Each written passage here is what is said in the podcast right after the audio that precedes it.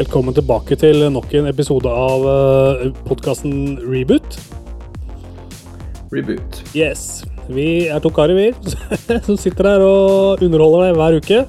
To glade gutter. Ja, og vi har uh, ja, Vi har både spilt og sett og lest og forstått ting nå den siste uka.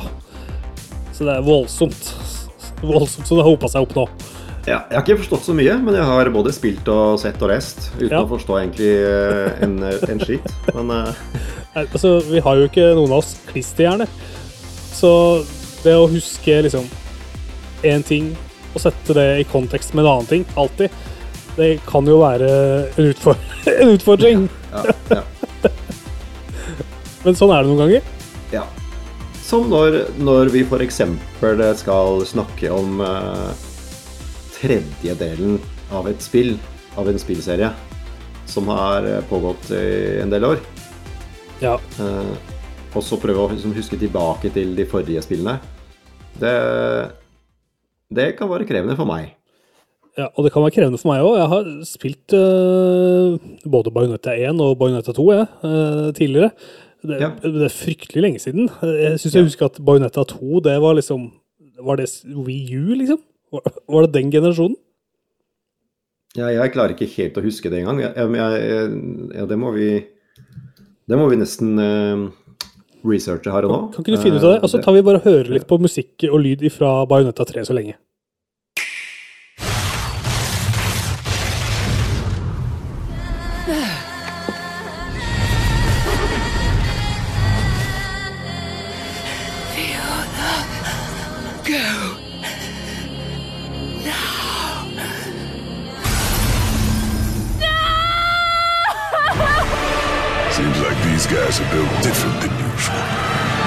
Their leader's name is Singularity.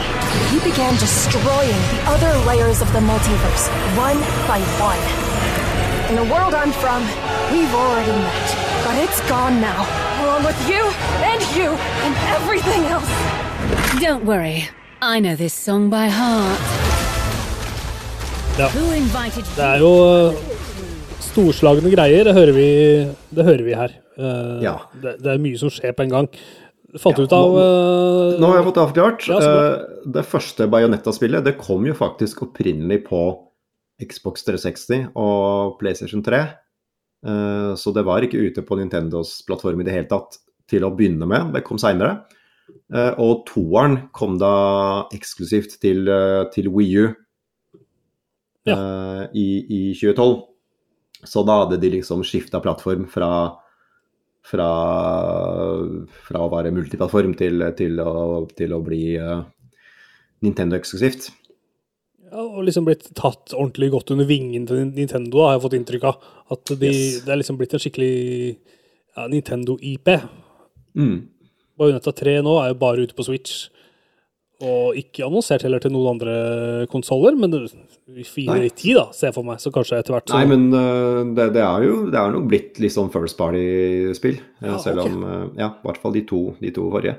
Ja. Um, selv om det lages av et, av et altså tredjepartsstudio, Mm. uh, som er eh, godt, kjent godt kjente Platinum Games, som jo, som jo laget, har jo laget mange både bedre og dårligere eh, liksom action adventure-spill.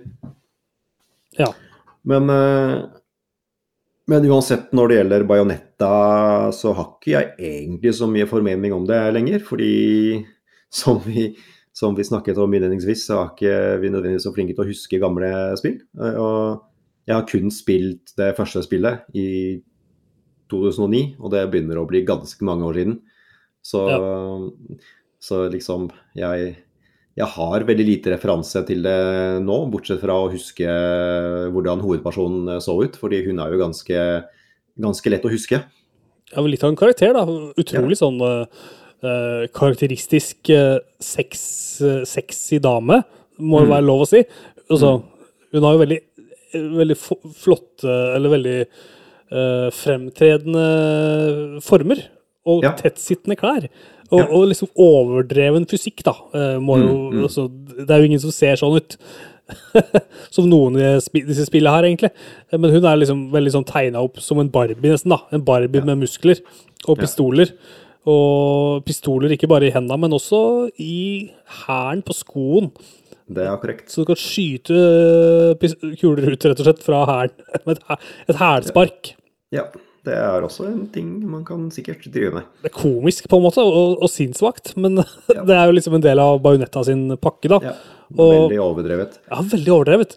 Og jeg husker eh, da jeg spilte Bajonetta 2, var det vel, eneren eller toeren, spilte på Wii U back in the days. Eh, Og, og, og samboeren min da, ganske Vi hadde ikke vært sammen så lenge, og hun hadde i hvert fall ikke sett så mye dataspill som jeg har uh, holdt på med. Men dette her var hennes første møte med liksom sexy spillkarakterer. Hun hadde aldri sett det før. Mens uh, jeg har kanskje blitt litt mer, mer sånn desensitized til den type ting, da.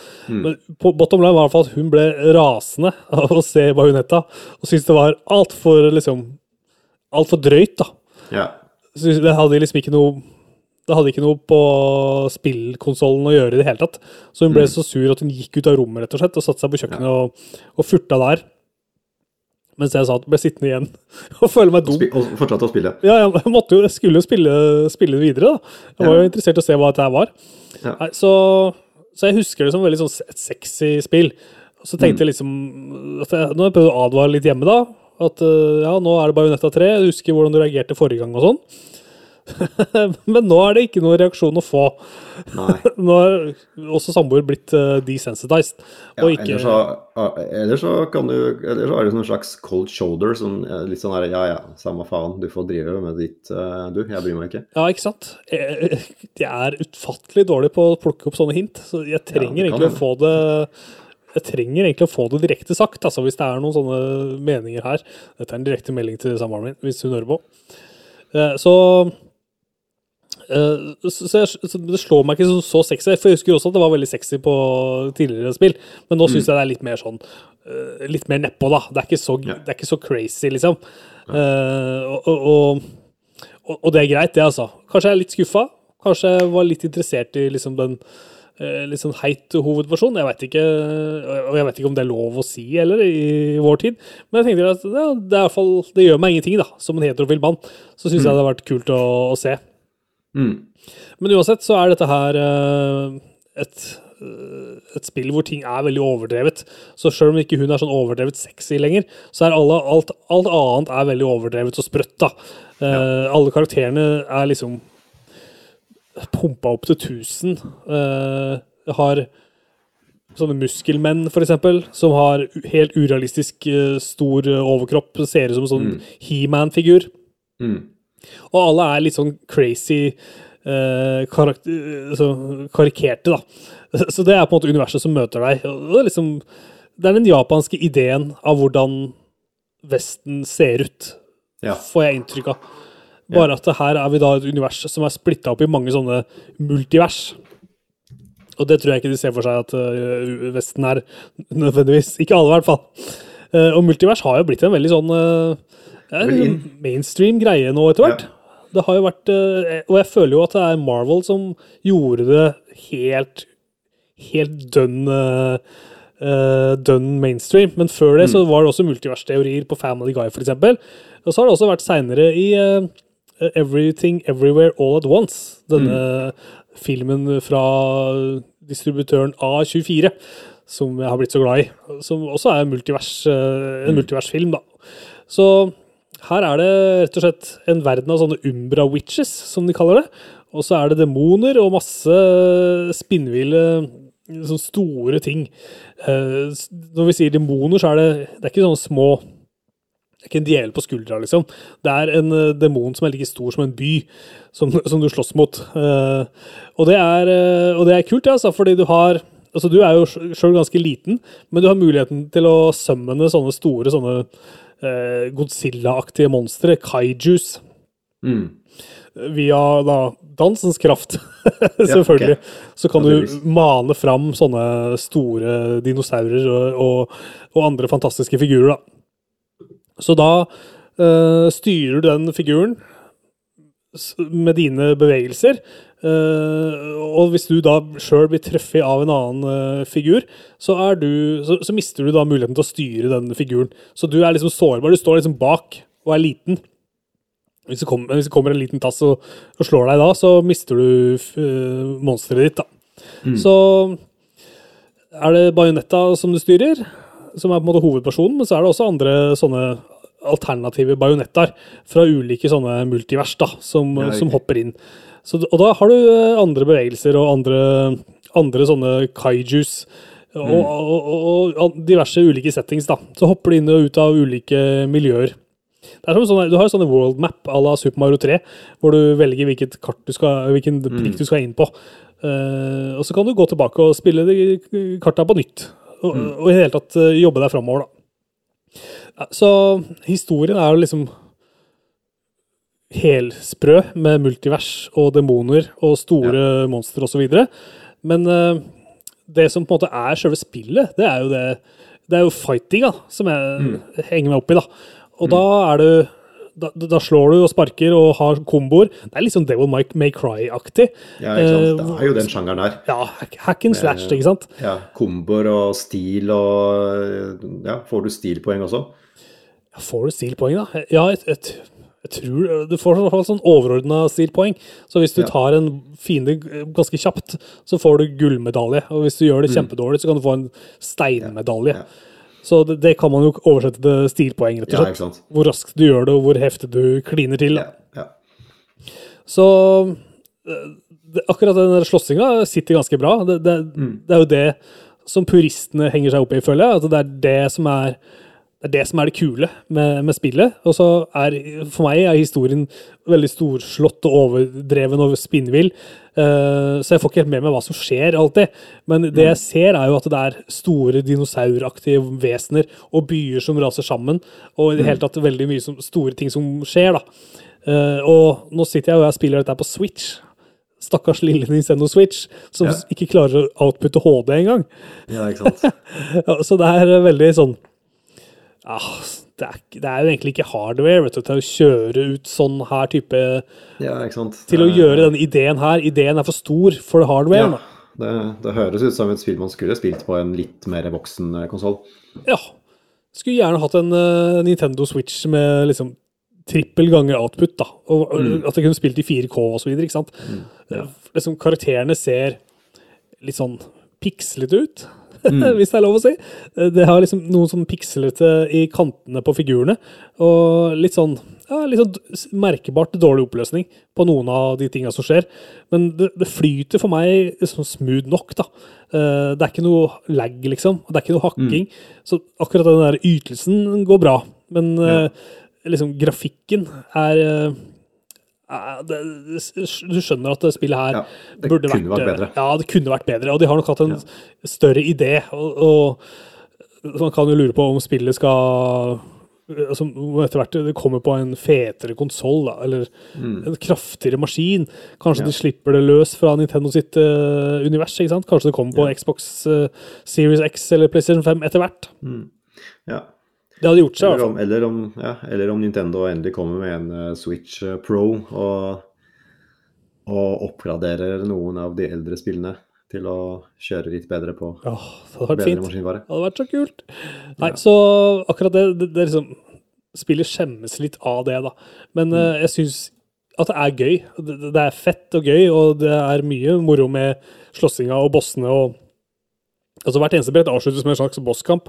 Mm. Stor eller liten, hvor du benytter deg av de spesialegenskapene som til den figuren du kontrollerer, da. Altså, på, på et eller annet vis. Og så har de en veldig morsom sånn der, feature i spillet, noe som heter Pure Angel Mode. Og, okay. og det er sånn at eh, i stedet for at eh, han røyker en sigar, så spiser han en kjeks. Altså, han, de sniller det til. Ja. så hvis du, hvis du er et barn som ikke får lov av foreldre å se sigarer, så kan du sette på pure angel mode, og så blir alt veldig snilt. Jeg veit ikke, ikke helt hva ellers som blir snilt, men det er sikkert litt tildekte ting, og Ja, ja. det er ikke så eksplisitt, da, sikkert. Så i Ja, stedet for at han liksom tar heroin, så spiser han en cupcake. altså litt ja, det er en ting. God erstatning, det. Ja. Altså, akkurat det syns jeg er morsomt, og det syns jeg kanskje andre spill òg kunne hatt. da. så det er på en måte Nintendo sin accessibility feature. Det er ikke så ofte de har det, men akkurat her har de satt på denne modusen. Nei, Så uansett ja. syns jeg er et uh, trivelig spill. Jeg liker det godt, det.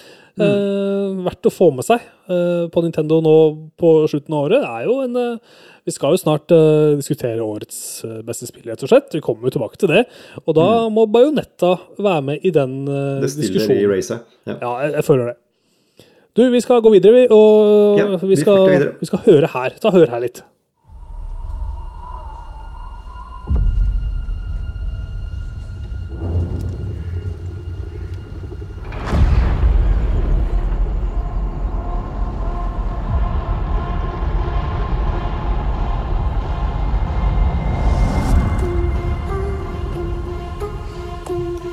To steal from the Empire? You just walk in like you belong? They're so proud of themselves. So fat and satisfied. They can't imagine that someone like me would ever get inside their house. Cassian Ander. The Empire is choking us so slowly. We're starting not to notice. I'm asking is this Wouldn't you rather give it all to something real?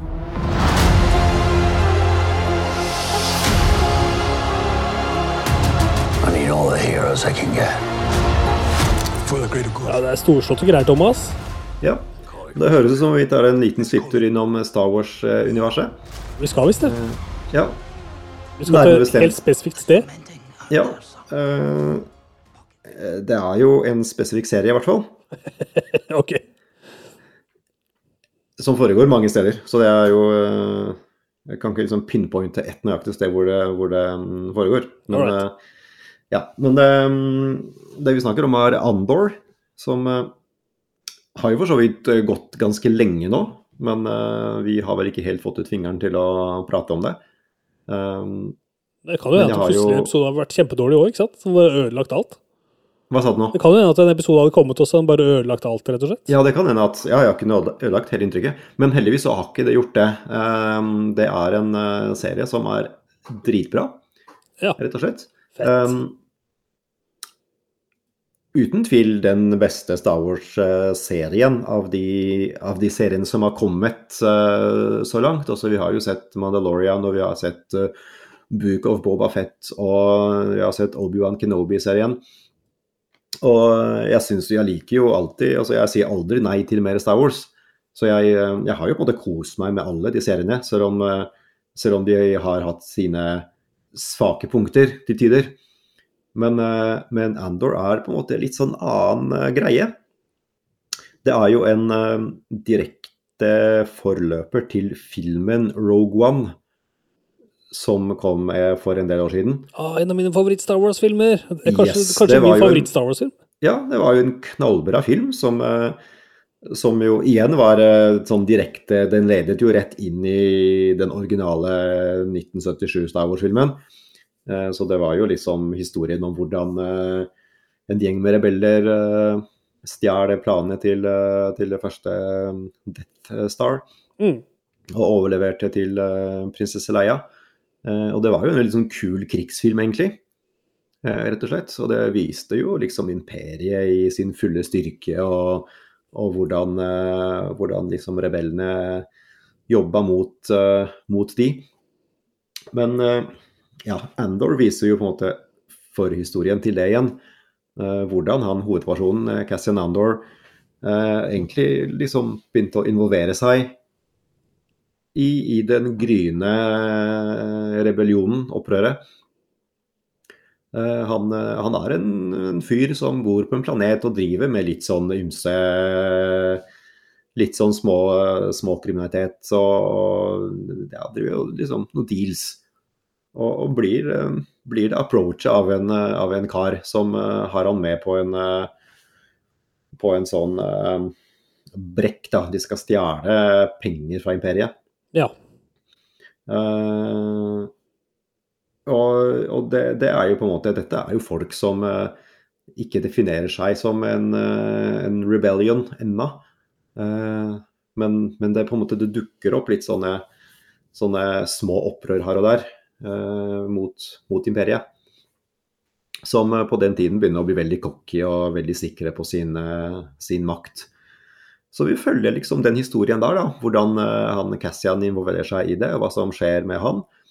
Og samtidig så, så får vi sett en del uh, av liksom imperiet, og de, de har en sånn uh, etterretningsavdeling, uh, kan man si, som det kanskje har mest, um, mest fokus på. så de Denne avdelingen begynner etter hvert å jakte på de, disse rebellene. så man får jo sett intrigene rundt det. og så ser man litt av hun som heter Mon Mothma, som jo på sikt blir en av lederne til, eh, til opprøret mot imperiet. Eh, vi ser jo at eh, på den tiden så, så er hun en, en, politiker, så hun driver med liksom sine politiske manipulasjoner for å liksom få litt støtte for, for opprøret mot imperiet. Så det er liksom flere syns, synspunkter, synsvinkler. Men det som er fellestrekket, er at alt er jævlig bra skrevet. Det er veldig bra dialog, det er veldig interessante personligheter. Det er, det er bare et eller annet som er veldig troverdig. Ja. Alle de som deltas, alle skuespillerne, alle figurene er, er liksom uh, Det er liksom dybde til de, og de har en interessant utvikling over episodene. Uh, og de klarer liksom å holde seg litt unna de, de, de mest vanlige Star Wars-klisjeene. Uh, altså, det har ennå ikke vært noe Jedis, det har ikke vært noe uh, lyssabler i bruk. Uh, man ser generelt sett lite til, til uh, det mest tradisjonelle. Mm. Selv om imperiet har en stor del av, av plottet, så ser man mest til, til disse etterforskningsfolka. Eh, det er liksom noen stormtroopers i bakgrunnen, og det er noen Tie Fighters i bakgrunnen, men, men de, bruker, de, benytter seg veldig lite av det mest åpenbare. Uh, av det mest åpenbare symbolikken og utstyret og altså, alt det man kjenner til med en gang. Så jeg syns det er jo veldig kult, da. At uh, de klarer å lage en Star Wars-serie som føles veldig Star Wars, men allikevel så så er det ikke bare dynka i Jedi-referanser og, og, andre tilsvarende veldig sånn klisjéaktige ting. Det høres veldig kult ut. Ja, jeg syns det eh, det en, det er en dramaserie, rett og slett, ja. i Star Wars-universet. Og det, det, funker dritbra. Det ser veldig bra ut. Det ser veldig visuelt veldig kult ut. Det er mye, veldig mye detalj, det er mye lokasjon, kule lokasjoner. Uh, men det er liksom den, uh, den dramatikken som er interessant, da. Mm. Eh, og, og figur, karakterutviklingen og dialogen. Så 100% varm anbefaling for Andor, altså. For alle som har lyst på litt annen vri på Star Wars. Jeg kjenner bare det at det er en prequel til Rogue One. Ja. Det høres jævla fett ut, ass. Rogue One, Rogue One var helt konge. Ja, den var god, ass. Eh, du, så bra. Jeg skal, nå har jo snart alle episodene av Andor kommet òg, så det er bare, bare, å sjekke ut. Ja. Hiver seg løs over, over, Disney Plus. Veldig bra. Du, vi skal ta litt sånn nyhetssveip. nyhetssveip. Det har jo vært litt sånn artige ting som har kommet til nyhetene i det siste. Uh, blant annet så fikk vi vite for noen dager siden at The Witcher 3 får en gratis neste generasjons uh, oppdatering. Ja. Og det kommer 14. desember. Ja. Den har jo vært under eh, arbeid i lang, lang tid. Ja. Uh, og har blitt utsatt og flytta på Ja. Uh, men så det er liksom først nå at de har gitt en konkret dato. Så det blir jo spennende å se. Det er liksom først neste uke at de skal faktisk vise noe gameplay av den next gen-versjonen. Ja. Så vi får jo se hvordan det ser ut.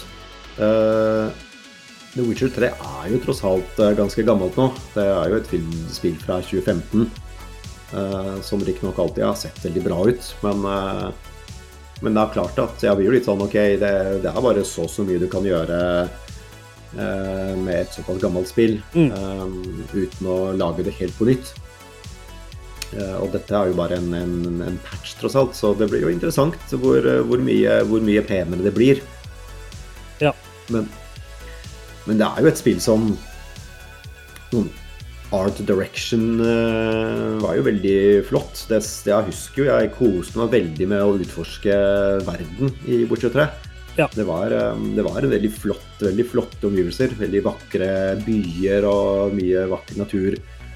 Så det blir, det, jeg blir helt klart frista til å laste ned den patchen eh, når den kommer. Ja. Og om ikke spille hele spillet på nytt, så i hvert fall bare loade en gammel save. Og, ja.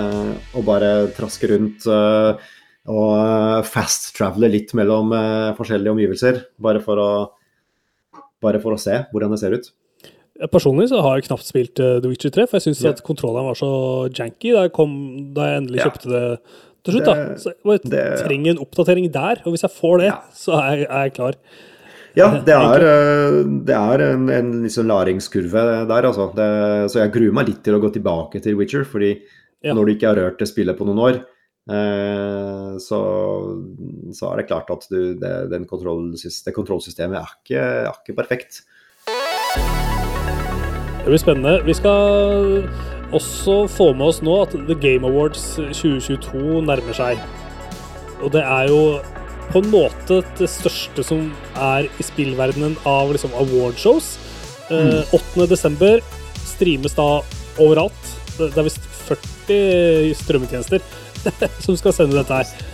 Så det for, altså, Som om det ikke hadde holdt med Twitch og YouTube. Som Ja. om det ikke hadde vært nok. Eh, Men uansett syns jeg det er veldig hyggelig. Jeg, jeg, er- jeg syns at The Game Awards offisielt sett er bra. Jeg vil at vi skal ha Game Awards.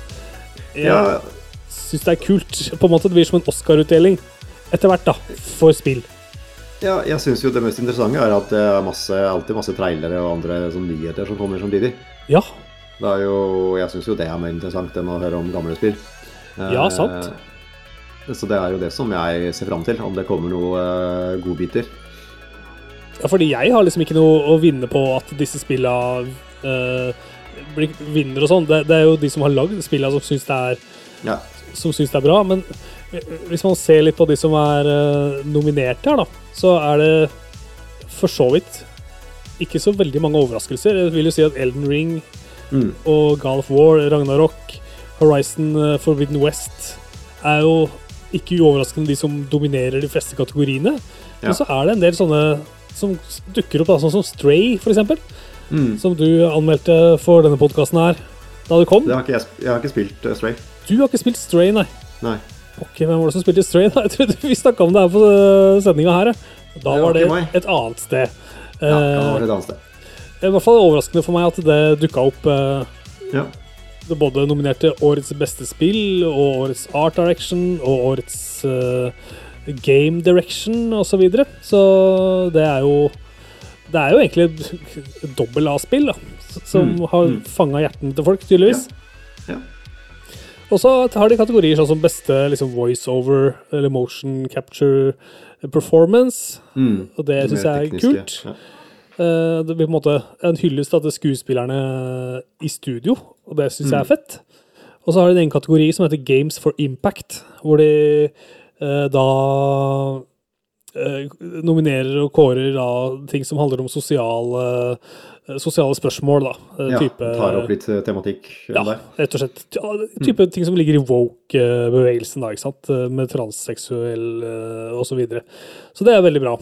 Har en kategori for beste pågående spill, eh, type Fortnite og Mm. Apex Legends og sånn. Det er jo godt sett. Bra tenkt at det, at det kan være en kategori. Det liker jeg godt. Så kårer de beste indiespill, beste mobilspill, beste community support, som er, det syns jeg er kult. At liksom nikker da til alle community managers som uh, passer på fansa sine. Uh, også en kategori for da innovasjon i tilgjengelighet. eh, hvor annet Last of Us Part 1 eh, er nominert. da. Mm. type spill som kan spilles av flere enn bare de som har absolutt alle funksjoner intakt. Eh, videre, så hvis vi merker oss da noen av de liksom, interessante eh, kategoriene, da, så syns jeg også Content Creator of the Year er en interessant uh, pris. Altså be den beste streameren, da, mm. fra i fjor. Og også da beste Beste adaptation, altså spill som går andre veien. Spill som har blitt til film eller TV-serier eller lignende. da. Hvor Ja. både Uncharted er med, og du har den Cyberpunk Edge Runners er med, som vi har snakka om her på showet. Uh, The Cuphead Show er nominert, og Sonic the Hedgehog 2-filmen også nominert. Og så har vi også da, ting som liksom ligger i da e-sportsdomenet. Type beste e-sportsspill, beste e-sportsspiller, beste e-sportstrener uh, osv. Så, videre. så det, det dekker ganske bredt. Eh, og det, når de dekker det så bredt, så syns jeg liksom at det begynner å svinge litt av det. det begynner å, jeg begynner å tenke at de skjønner hva spill handler om. da. Mm, mm. Så når du får det som du snakker om da, på toppen, ikke sant? at det er masse Ja. kule trailer og masse å se fram til, så tror jeg det blir ganske kult. Jeg, jeg håper at det Ja, ja. streames på et klokkeslett som vi kan se på her vi sitter. altså. Ikke sant? Vi skal få med oss eh, en siste nyhet som jeg har uh, gravd fram. Eh, fordi, og den er litt slekt med den forrige nyheten, men neste års eh, Grammy Awards kommer til å ha for aller første gang en Grammy for dataspillmusikk. Mm. Og det er bra. Det er interessant. Eh, Jeg har sett på de nominasjonene, og jeg skjønte at det egentlig sier meg veldig lite, fordi jeg, jeg pleier ikke å følge med på så mye datamusikk, egentlig. Altså spillmusikk. Det bare er der i Ja. bakgrunnen. Eh, Men uh, det er ett spill som jeg har spilt i år, som jeg uh, merket meg hadde faktisk veldig bra musikk, da. Eller liksom soundtrack. Og det var jo Det var jo A Plague Tale, det nyeste. Ja. Og det er jo ikke nominert, så det syns jeg var litt sånn merkelig. Ja, jeg måtte sjekke litt, jeg òg. Fordi de spillene som er nominert, er Aliens Fireteam Elite, som jeg ikke har hørt om engang. Og så er det noe som heter Assassin's Creed Valhalla. Det har jeg hørt om. Ja. Det er ganske stort. Og så er det Call of Duty Vanguard, som er basically et spill som ikke var interessant for folk. Det solgte dårlig. Det solgte så dårlig at eh, de måtte revurdere hele Call of Duty-serien og eh, reboote litt for å få det til å bli bra. Eh, og så var det Marvels Guardians of the Galaxy, som du har spilt. Ja. Og så var det noe som heter fint, Old eh, World. Hva sa du? Ja. Det var et fint spill, men jeg husker ikke musikken akkurat. Nei, eh, ikke sant. Og så når det kom til det spillet som het Old World, så hadde jeg heller aldri hørt om det. Men så jeg gikk inn og fant litt lyd fra det. Skal vi skal vi sette det på i bakgrunnen her, her lite grann.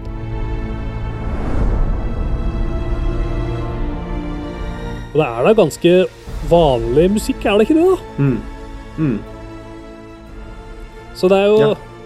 litt sånn Jeg føler det er en litt egen gjeng, da. Det er sånn musikkritikere som har sittet og plukka musikk. Så det er jo Ja. åpenbart ikke spillfolk som Ja. har ment ting her. Ja, nei, jeg stussa litt på det sjøl, de nominasjonene. De var litt rare. Ja, jeg syns det var kjedelig, rett og slett.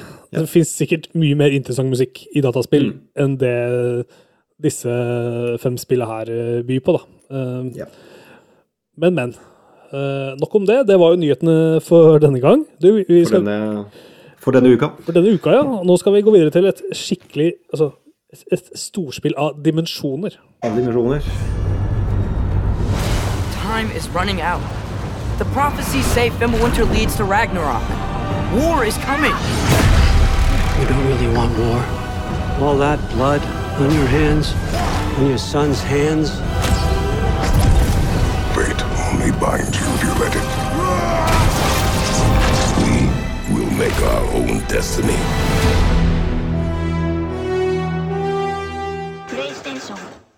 Så skal du lage en eh, kompakt trailer. 30 sekunder. Ja. Trenger ikke lenger enn det. Når du snakker om uh, God of War, Ragnarøk. Det er sant, det. Alle veit hvordan dette her blir. Du vet akkurat hva du får. Jeg har verken spilt det forrige eller dette nye, altså, så nå er jeg bare Jeg Du skolebenken. faktisk, ja, du vet faktisk akkurat hva du får med det nye. Ja. Hvis du har spilt det forrige. Riktig. Um, så i 2018 så ble det altså God of War-serien uh, rebootet med uh, et, ja, en, en litt sånn nytt format.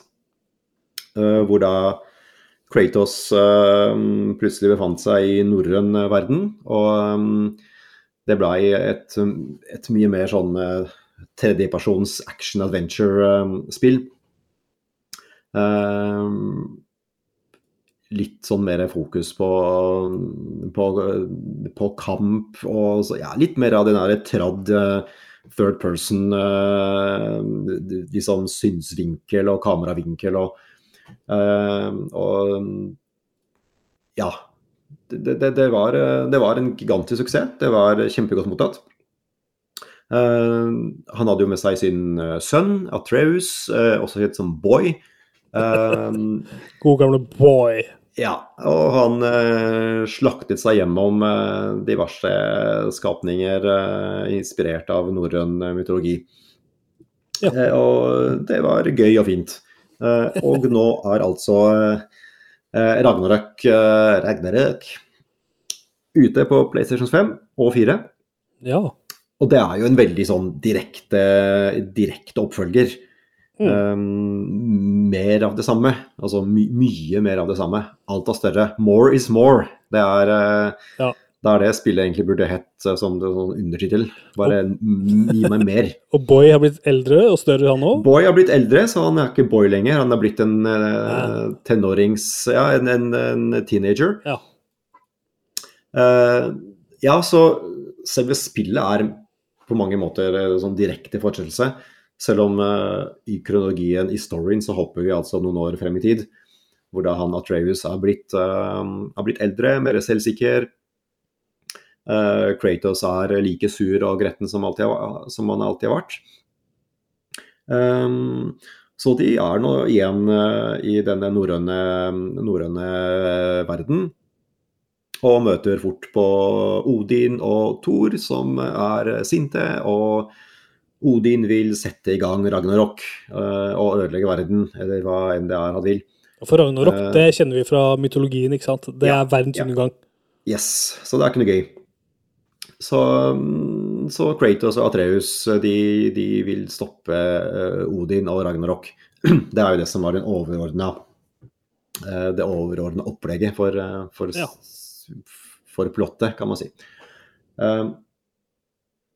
Så det som, det som, er tingen her, er jo at man kjenner seg veldig fort igjen i mekanikken, i, i den visuelle stilen. Det, er, det føles veldig likt det forrige 2018-versjonen av spillet.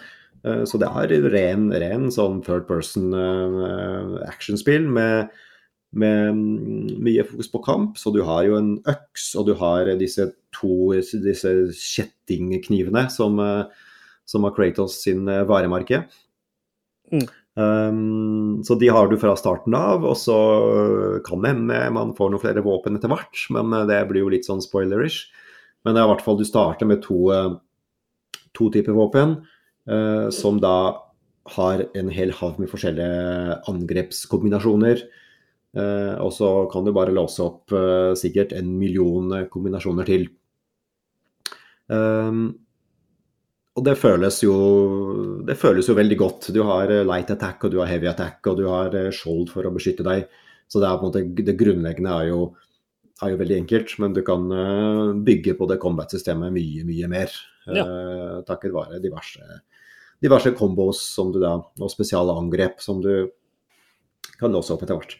Uh, så combat er, er tipp topp. Det, det, sitter dritgodt. så da drar Kratos og Atreus på dette eventyret. Og de beveger seg altså gjennom forskjellige litt sånne realms. Alt er jo basert på, på norrøn mytologi, så de er innom, eh, innom ganske sånne velkjente, velkjente områder. Men alt er jo selvfølgelig tilpasset eh, den verden som eh, Kratos lever i. Så alt er jo veldig fantasifullt, og disse, disse forskjellige verdenene er jo veldig storslåtte. Veldig mm, visuelt og skalamessig så er de det er kjempegodt laget. Det er dritbra. Det er eh, kjempestore store omgivelser. Men det er jo ikke et åpen verdensspill. Det er jo et Så du, du, du, Når du følger hovedstoryen, så havner du på disse forskjellige mm, realmsa, og du, du følger jo alltid én retning. Du, du, går gjennom uh, en, en, sti, på en måte, en path, ja. som du følger. Uh, så det er ikke noe sånn uh, frihet til å gå hvor du vil og, og gjøre, gjøre, ting akkurat i ditt tempo. Når du, når du har satt i gang en sånn realm, så, så, så, går, du, så går, du, fremover. selv om det selvfølgelig finnes noen mindre sidespor her og der. Men, men hoved, altså, hovedstoryen er ganske lineær. Men, eh, men, det som er åpent her, er jo at du, du, har en hub, du har et sentralt område, og du kan teleportere deg fra disse realmsa egentlig når du vil, mellom de. Du kan vende tilbake til eh, de om, områdene som du allerede har utforska. Eh, så det er jo ganske stor frihet når det gjelder liksom rekkefølgen på ting. Du, okay. du er ikke liksom tvunget til å gjøre ting alt sammen i, i, i, en, en, spesifikk rekkefølge. Du, du, kan liksom hoppe fram og tilbake mellom ting. Men når du først gjør en ting, så er det lineært. Men er det sånn at du velger, kan du velge feil spor, på en måte? Så at det Nei, da, blir fryktelig er, vanskelig for deg? Nei da. Eller du, du kan havne Du kan liksom uh, ha, treffe på noen bosser som er altfor kraftige. Men, ja. men, hvis du følger hovedstoryen, så er du ganske du, du, går alltid på en måte i korrekt retning, for å si det på den måten. Okay. Men, eh, men, det er mye, mye eh, litt sånn sideområder som du ikke må ta. Det er mye, mye veldig mye på en måte frivillig sideinnhold. Og det er litt sånn Metrodvania-prinsipp ofte som kommer opp. At du, ja. du får jo verktøy etter hvert som, som, gjør at du kan uh, gå tilbake til steder hvor du allerede har vært, for å låse opp uh, litt sånn nye nye områder, eller bare åpne en kiste som du ikke kunne åpne før. Mm.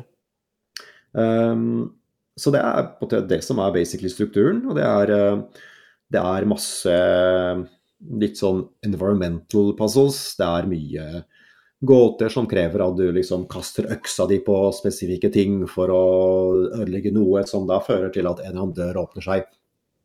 Eh, så må du time ting riktig, eller så må du kaste eller gjøre noe fra riktig vinkel. Så det er mye, mye av den type, mm, den type puzzles. Ikke kjempekomplisert, men, men, noen av de er ganske kule. og Noen ganger så må du kanskje klø deg litt i huet før du, før du finner ut av det. Men, eh, men, det er ikke noe sånn veldig kravstort. kravstort. Så vanskelighetsgraden, det er, det er uh, combat. Der kan du jo tilpasse det litt som du vil. Så det kan ja. gjøre spillet ganske vanskelig for deg. Det er riktig. Uh, men du kan også gjøre det veldig lett. uh, men er det fett og det er, gøy, da? Sånn, er det kult, liksom, å spille det? Ja, det er, det er, jo veldig kult å spille, for det sitter jo, det sitter jo veldig bra. som sagt, jeg syns combat er veldig, det er veldig solid. Eh, men jeg, har, men, jeg har, liksom noen, eh, noen ankepunkter. Eh, det ene er at det, det, er jo et jævla stort spill, og jeg føler at det rett og slett dragger en del til tider. Det er liksom litt av den følelsen jeg fikk også når jeg spilte Last of Us 2. Ja. At det, det, var litt sånn noe det, Man kunne ha trimma ned en del segmenter der. og, og, og i i Ragnarok så føler jeg at man, man kunne ha trimma enda mer, faktisk. Ja. Det er, eh, det er, litt bloat, rett og slett. Jeg husker det var litt eh. ankepunkt på forrige unnskyld, God of War òg. At det var, ja. du følte det var for mye innhold. Ja, ikke sant. Og nå er det enda mer. Og jeg mm. syns det, det, begynner å ese ut uh, litt, altså. Ja. Uh, og det er, det er så mye kister. Det er så mye okay. chests å åpne med, med ting og tang er så mye distraksjoner hele tida. Ja. Um, og så er det også et ankepunkt som jeg hadde med det første spillet, som også det er nesten double down på det. Uh, at det er så mye ting du kan oppgradere. Jeg blir, det er veldig sånn overveldende. Ja. Altså, alle våpen kan oppgraderes på 100 forskjellige måter. Og du kan liksom legge inn runer for å gjøre de enda kraftigere, og de runene kan du oppgradere fire ganger i seg sjæl, ikke sant. Og så kan du okay legge til andre ting. Altså, det, er så, det er så mye kombinasjoner av ting som du kan putte inn og ta ut og bytte på. Og alt har liksom en eller annen upgrade path. Ja. Uh, og jeg bare jeg, sånn, jeg syns, som sagt, jeg syns det ble altfor mye i det, for, i det, forrige spillet allerede. Og, og her er det liksom enda mer. Mm. Uh, så, så, man må bare ignorere, egentlig, liksom 80% av tingene du plukker opp, må du bare egentlig gi faen i. Og så bare heller fokusere på å oppgradere noen våpen eller noen spillestiler som du trives med, og bare ikke prøve å utforske alle muligheter, for det blir så mye. Ja. Uh, så jeg syns på en måte det, det er litt sånn balanse, også at det er bare det er bare mer, mer, mer, mer, mer av alt. Mm. Uh, og det er nesten sånn at uh, jeg føler at spillet kødder litt med det av, av og til. fordi en ting som er veldig bra, eh, det er liksom dialog. Det er mye mer samspill mellom Atreus og Kratos. Eh, og det er flere personer òg, og det er for så vidt du får spilt som andre enn Kratos. Du får ikke bare spilt som Kratos. Og så er det ganske mange andre personer som på en måte er altså figurer som er med, da, og det er mye kul, uh, kul dialog. Ja. En del humor. Og det er sånn På et tidspunkt så liksom, Atreus liksom kommenterer på at Kratos han har det med å liksom gå mye sånn til side, altså til andre steder, for, å, for han skal alltid finne en kiste. Det er, sånn, det er noen sånne in-jokes på, på, akkurat det der. da, at Det er, så, er så mye. ja, det er interessant. Uh, ja, det er, så det er litt artig. Um, og så syns jeg, synes jeg liksom grafikken det er sånn jevnt over veldig bra. Mm. Men man kjenner at det er, altså det, er, det er, et spill som også er ute til PS4. At ja, okay. det er um, At det, det kan ha begrensa det visuelle bitte litt. Fordi det er, det, er, kjempedetaljert, og det ser ofte helt slående vakkert ut. Men, uh, men, det er en del omgivelser som er litt sånn Er ikke mest uh, slående jeg har sett. Nei. Så det ja, det er veldig pent, men, men, jeg føler at det kunne vært liksom enda råere visuelt hvis det var eh, PS5 eksklusivt, og ikke, ikke også var laget for PlayStation 4. Mm. Uh, men jeg, jeg skal ikke snakke meg helt bort, men uh, det er et tipp topp uh, action adventure-spill, altså. Men, uh, men jeg syns det, det ble liksom Det er for ofte litt for mye innhold og litt for Litt for ufokusert, altså. Ja. Men, eh, men, jeg digger det. Jeg kommer til å kose meg med det i mange, mange titalls timer fremover utover vinteren, mm. for all del. Mm. Kult. Det var God of War, det. Ragnarøk. Det var God of War. Og det var også noe av det siste vi snakka om det i denne episoden her av Reboot. Kanskje noensinne. Ja, kanskje noensinne. Vi veit jo ikke. Vi har planer om å være tilbake neste uke, ja. men uh, vi veit jo aldri hva som skjer. Nei, kan ikke. For all del. Du, det har vært en fornøyelse å sitte her nok en gang. En glede. Yes. Vi takker for at du hører på, og at vi takker også for at du anbefaler oss videre hvis du kjenner noen gamere der ute. Som trenger å høre på en podkast som er dritbra. Oh yes. Oh yes. Det er kjempebra. Ha det fint. ha det bra så lenge. Farvel. Farvel.